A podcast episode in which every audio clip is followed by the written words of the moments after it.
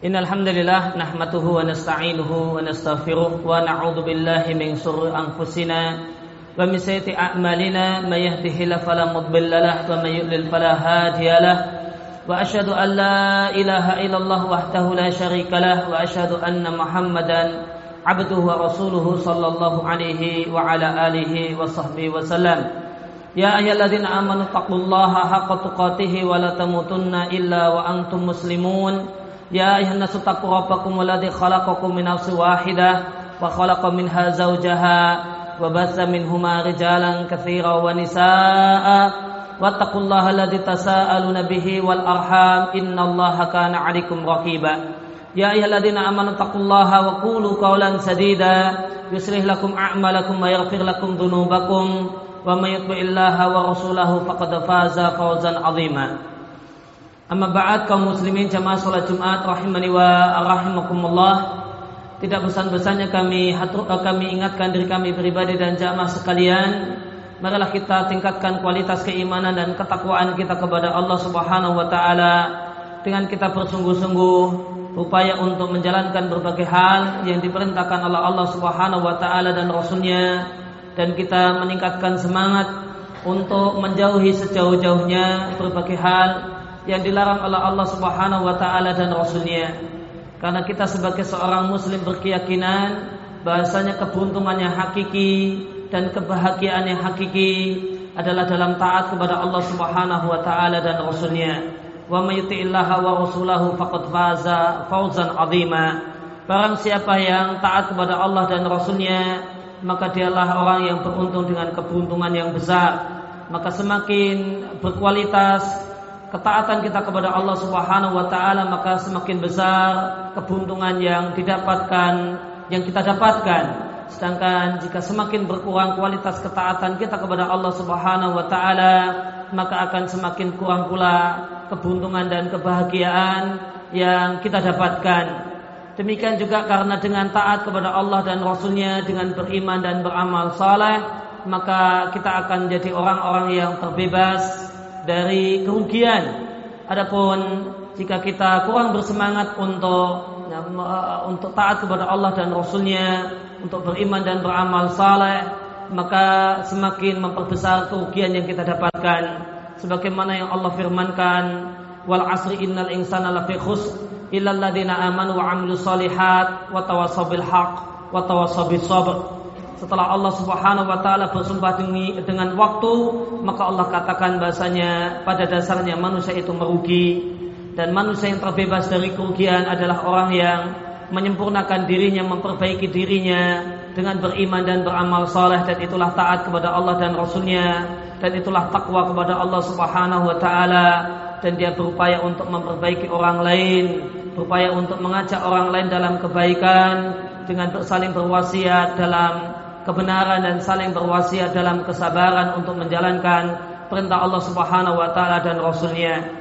Maka manakala pada diri kita ada dua hal ini, kita berupaya untuk memperbaiki diri sendiri dengan iman dan amal soleh, dengan taat kepada Allah dan Rasulnya, dan kita adalah orang yang bersemangat untuk memperbaiki orang lain, seiring dengan kita berupaya untuk memperbaiki diri kita sendiri, maka itulah orang-orang yang terbebas dari kerugian. Adapun orang yang tidak ada badannya dua hal tersebut atau salah satu darinya, maka ada pada dirinya kerugian berbanding lurus dengan seberapa besar dia tinggalkan uh, upaya untuk memperbaiki diri sendiri dan memperbaiki orang lain. Kaum muslimin jamaah salat Jumat rahimani wa rahimakumullah sebagaimana kita ketahui bersama bahasanya seorang muslim adalah saudara bagi muslim yang lain sebagaimana firman Allah taala innamal mu'minuna ikhwah. Sesungguhnya persaudaraan yang hakiki persaudaraan yang sebenarnya adalah persaudaraan yang terjadi di antara orang-orang yang beriman. Demikian juga sabda Nabi sallallahu alaihi wasallam al muslimu akhul muslim. Sesungguhnya seorang muslim itu adalah saudara bagi muslim yang lain. Oleh karena itu maka kita memiliki kewajiban dalam hidup bermasyarakat dengan bergaul dengan sesama muslim maka kita punya kewajiban untuk menunaikan hukukul ukhuwah, hak-hak persaudaraan. Kita wajib untuk menunaikan dan memberikan kepada orang lain, kepada sesama muslim apa yang jadi haknya ya, yang telah Allah Subhanahu wa taala tetapkan sebagai seorang muslim atas muslim yang lain. Kaum muslimin jamaah salat Jumat rahimani wa rahimakumullah dan di antara hukukul ukhuwah dan di antara hak-hak persaudaraan yang akan kita bahas dalam kesempatan siang hari ini adalah kita tidak boleh iri dan dengki dengan orang lain. Tidak boleh hasad, demikian istilah Arabnya. Sebagaimana dalam satu hadis yang diriatkan oleh uh, oleh Muslim dari sahabat Abu Hurairah radhiyallahu taala anhu, Nabi sallallahu alaihi wasallam mengatakan la tahasadu hendaklah dan janganlah kalian saling dengki, saling iri dan dengki. Maka di antara di antara hak seorang muslim atas muslim yang lain adalah kita berupaya untuk membersihkan diri kita, membersihkan jiwa kita, membersihkan hati kita dari iri dan dengki dengan sesama muslim. Sehingga tidak ada pada diri kita uh, iri dan dengki dengan sesama muslim sedikit pun maka itu idealnya dan itulah seharusnya sikap seorang muslim dengan muslim yang lain. Namun sebelumnya apa itu uh, apa itu hasad atau apa itu dengki yang dilarang dalam Islam?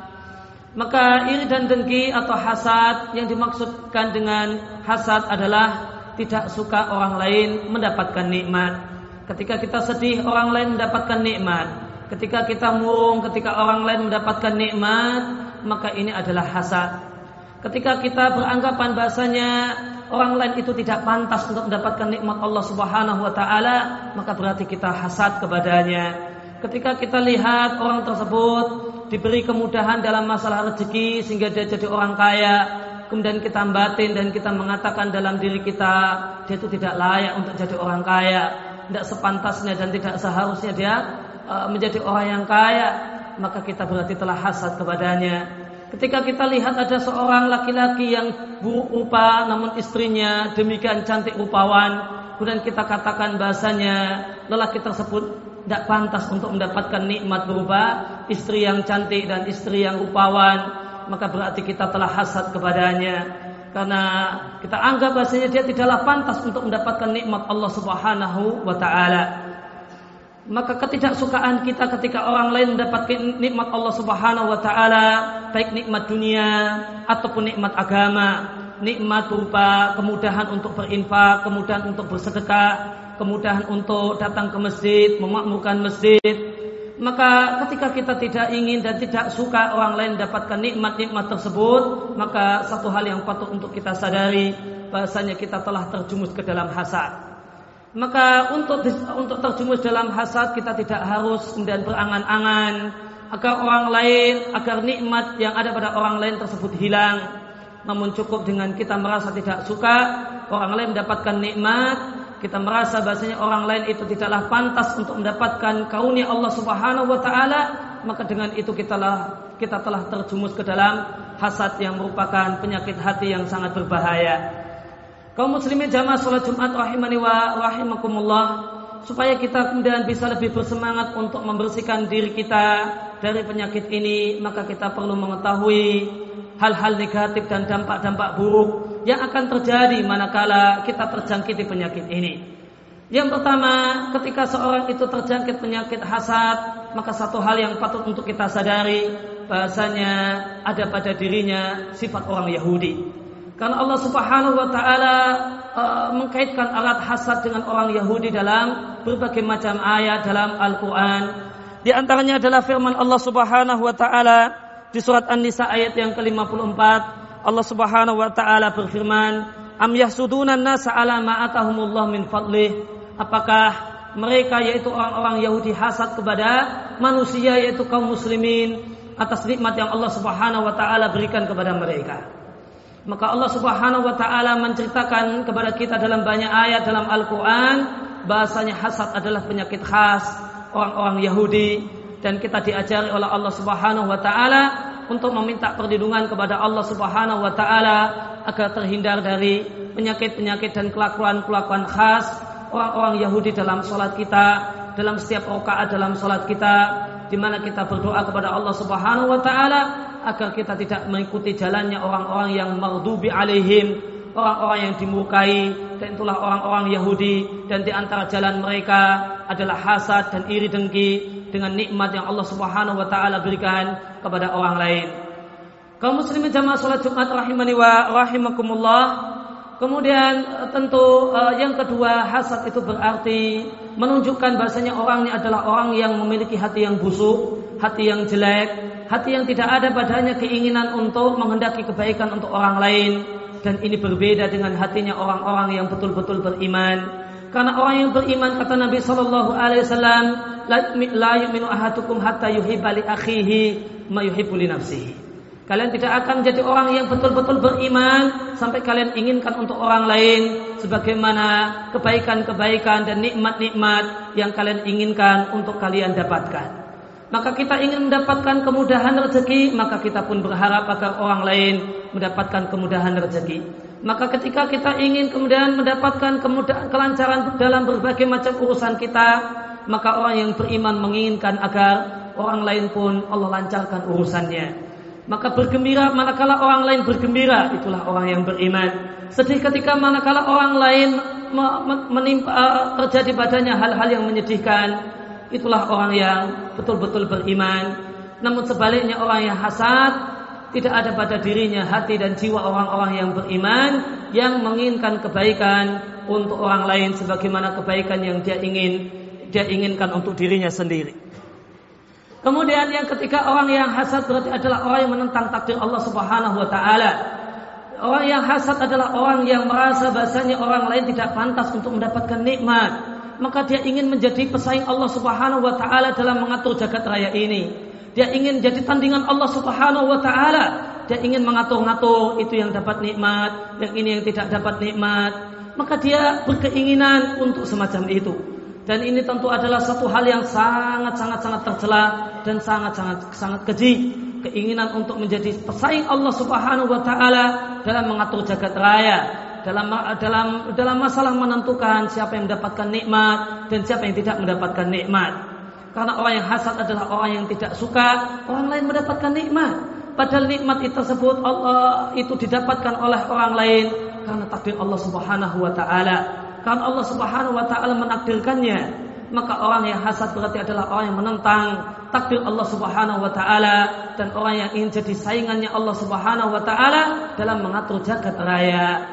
Oleh karena itu, maka di antara obat penting dalam uh, mengobati penyakit hasad adalah meningkatkan kualitas iman dengan qada wal qadar, dengan takdir Allah Subhanahu wa taala dan tidaklah Allah takdirkan satu hal kecuali ada di dalamnya kebaikan, ada di dalamnya hikmah dan ada di dalamnya manfaat. Kaum muslimin jamaah salat Jumat rahimani wa rahimakumullah. Kemudian selanjutnya orang yang hasad adalah orang yang tidak akan pernah tentram hidupnya karena dia adalah orang yang sibuk untuk mengawasi orang lain. Maka pengawas yang paling lihai dan paling cermat dalam mengawasi orang lain di dunia ini tidak lain dan tidak bukan adalah orang yang hasad. Orang yang hasad itu lebih hebat daripada pengawas pengawas ujian saat UN, saat ujian nasional yang demikian memperhatikan apa yang terjadi. Namun orang yang hasad lebih cermat daripada para pengawas ujian. Oleh karena itu maka orang yang hasad hari-harinya itu bertambah susah dan susah. Karena boleh jadi malah Allah Subhanahu wa taala berikan kepada orang lain tambahan nikmat dan tambahan nikmat maka ketika orang lain bertambah nikmatnya maka dia bertambah susahnya. Maka hidupnya tidak akan pernah tentram dan dia akan gagal menjadi orang yang hidup bahagia di dunia ini. Oleh karena itu maka syarat penting agar kita bisa menjadi orang yang hidup berbahagia di dunia bersihkan hati dari hasad. Maka jika hati kita bersih dari hasad akan kita akan bisa merasakan hidup bahagia. Namun orang yang penuh dengan hasad maka dia tidak akan pernah merasakan nikmatnya hidup di dunia ini Kaum muslimin jamaah salat Jumat rahimani wa rahimakumullah demikian juga di antara bahaya hasad. Hasad itu akan memakan habis amal kebajikan kita, akan memakan habis amal-amal soleh kita, sehingga kita menjadi orang yang merugi. Sebagaimana sabda Nabi Shallallahu Alaihi Wasallam dalam satu hadis yang diatkan oleh At-Tirmidzi, dinilai hasan oleh sebagian ulama, iyakum wal hasada, fa innal hasada ya'kulul hasanati, kama ta'kulun naral hatoba. Hati-hatilah kalian dengan hasad, karena sesungguhnya hasad itu akan memakan habis ganjaran dan pahala sebagaimana api yang berkubar-kubar akan memakan habis kayu-kayu kering yang ada di dekatnya. Kaum muslimin jamaah salat Jumat rahimani wa rahimakumullah. Hal ini dikarenakan hasad adalah induk dosa. Dari hasad akan timbul berbagai macam maksiat. Maka karena hasad orang kemudian tajasus. Orang kemudian mengkorek-korek kekurangan, kekurangan orang lain, akan mencari-cari kejelekan orang lain dan akan kemudian berupaya agar kebaikan orang lain itu nampak sebagai sebuah kejelekan. Karena hasad, kemudian orang kemudian melakukan ribah, dalam rangka menjatuhkan orang yang dia dengki karena hasad orang kemudian membuat fitnah membuat berita buruk berita jelek akan mengada-ada dia katakan si A itu demikian dan demikian melakukan kejahatan melakukan keburukan padahal sama sekali tidak demikian maka dia adalah orang yang melakukan perbaikan dan melakukan kebaikan. Aku qauli hada fastaghfiru wa lakum muslimina wal muslimat fastaghfiru wal rahim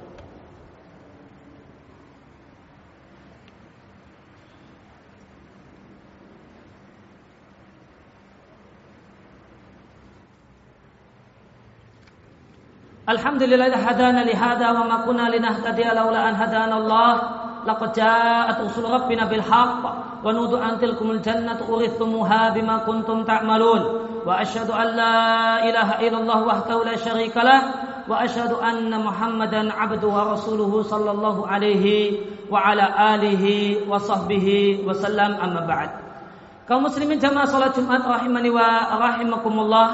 Dampak jelek yang lain dari hasad, hasad menunjukkan dan melahirkan generasi yang egois, generasi yang individualis, orang-orang yang hanya akan menyebabkan seorang itu akan menjadi orang yang ingin segalanya akan menjadi miliknya. Dia tidak ingin hal-hal yang baik, hal-hal yang wah, hal-hal yang hebat itu dimiliki oleh orang lain. Namun dia inginkan semua kebaikan, semua hal-hal yang toh, semua hal-hal yang wah itulah miliknya. Dia tidak rela kalau orang lain itu punya kelebihan dan kelebihan. Inilah eh, inilah keadaan orang yang hasad. Demikian juga di antara kejelekan dan dampak negatif dari hasad, hasad itu tidaklah mengubah kenyataan, tidak mengubah realita dan tidak mengubah takdir Allah Subhanahu wa taala. Maka ketika kita dengki dengan seseorang karena Allah memberikan nikmat kepadanya, apakah dengan dengki nikmat tersebut hilang? Apakah dengan dengki kemudian nikmat tersebut berpindah kepada orang lain atau berpindah kepada kita? Jawabannya tidak. Nikmat tersebut tetap ada padanya. Hasad kita tidaklah menyebabkan nikmat tersebut hilang. Jika demikian, maka orang yang hasad pada hakikatnya adalah orang yang sibuk dengan hal yang sia-sia. Orang yang sibuk dengan hal yang tidak ada gunanya. Sibuk dengan hal yang tidak ada manfaatnya dan melakukan hal yang tidak ada gunanya dan tidak ada manfaatnya itu tidak akan dilakukan oleh orang yang masih memiliki akal sehat. Kaum muslimin jemaah salat Jumat rahimani wa rahimakumullah demikian juga dampak jelek dari hasad. Hasad itu menyebabkan seorang itu sibuk dengan orang lain sehingga dia tidak sibuk dengan dirinya sendiri. Maka hasad itu menyebabkan dan menghalangi kita untuk bisa menjadi manusia yang berprestasi.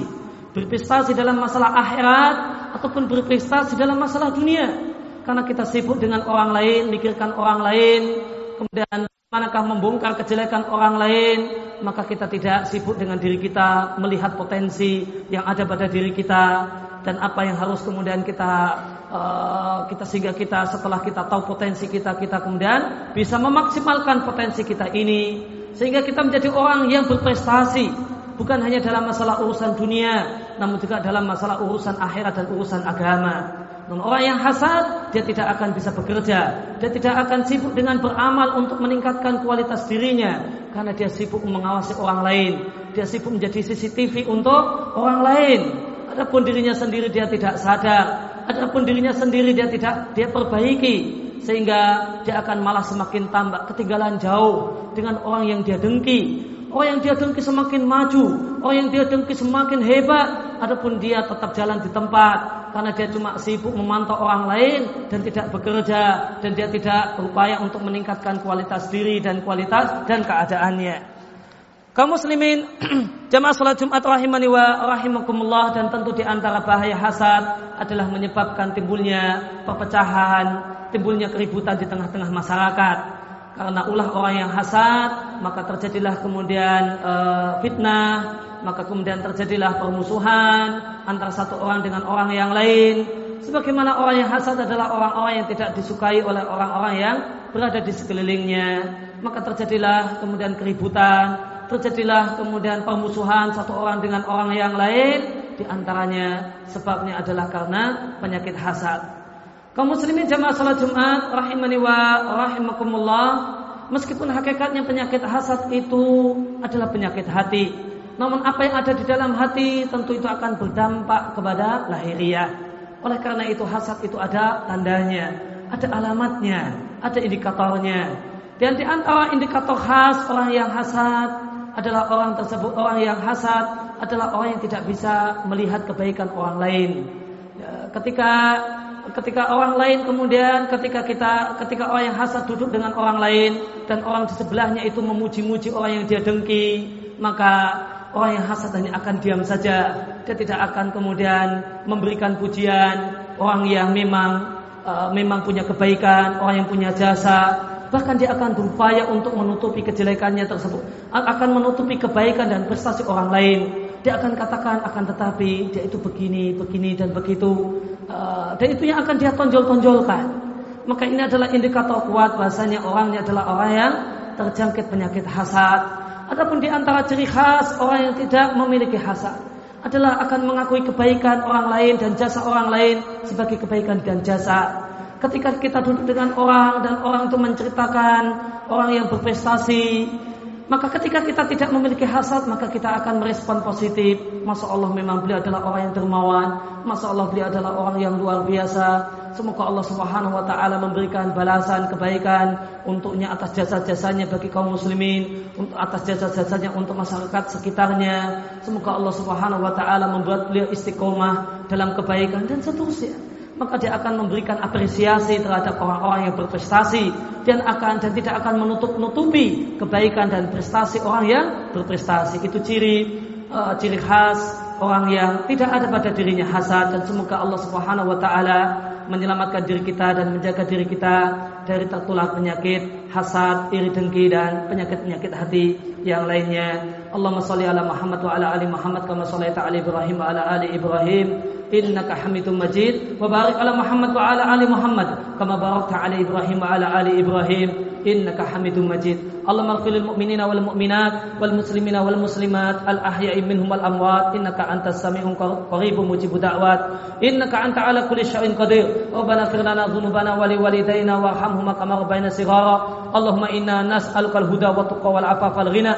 اللهم إنا نسألك حبك وحب من يحبك. والعمل الذي يبالغ حبك. ربنا هب لنا من أزواجنا وذريتنا قرة أعين واجعلنا للمتقين إماما. اللهم انصر المجاهدين في كل مكان. اللهم انصر إخواننا مجاهدين في سوريا وفي فلسطين وفي كل مكان. برحمتك يا أرحم الراحمين. ربنا آتنا في الدنيا حسنة وفي الآخرة حسنة وقنا عذاب النار. وصلى الله على نبينا محمد وعلى آله وصحبه وسلم. واخر دعوانا عن الحمد لله رب العالمين.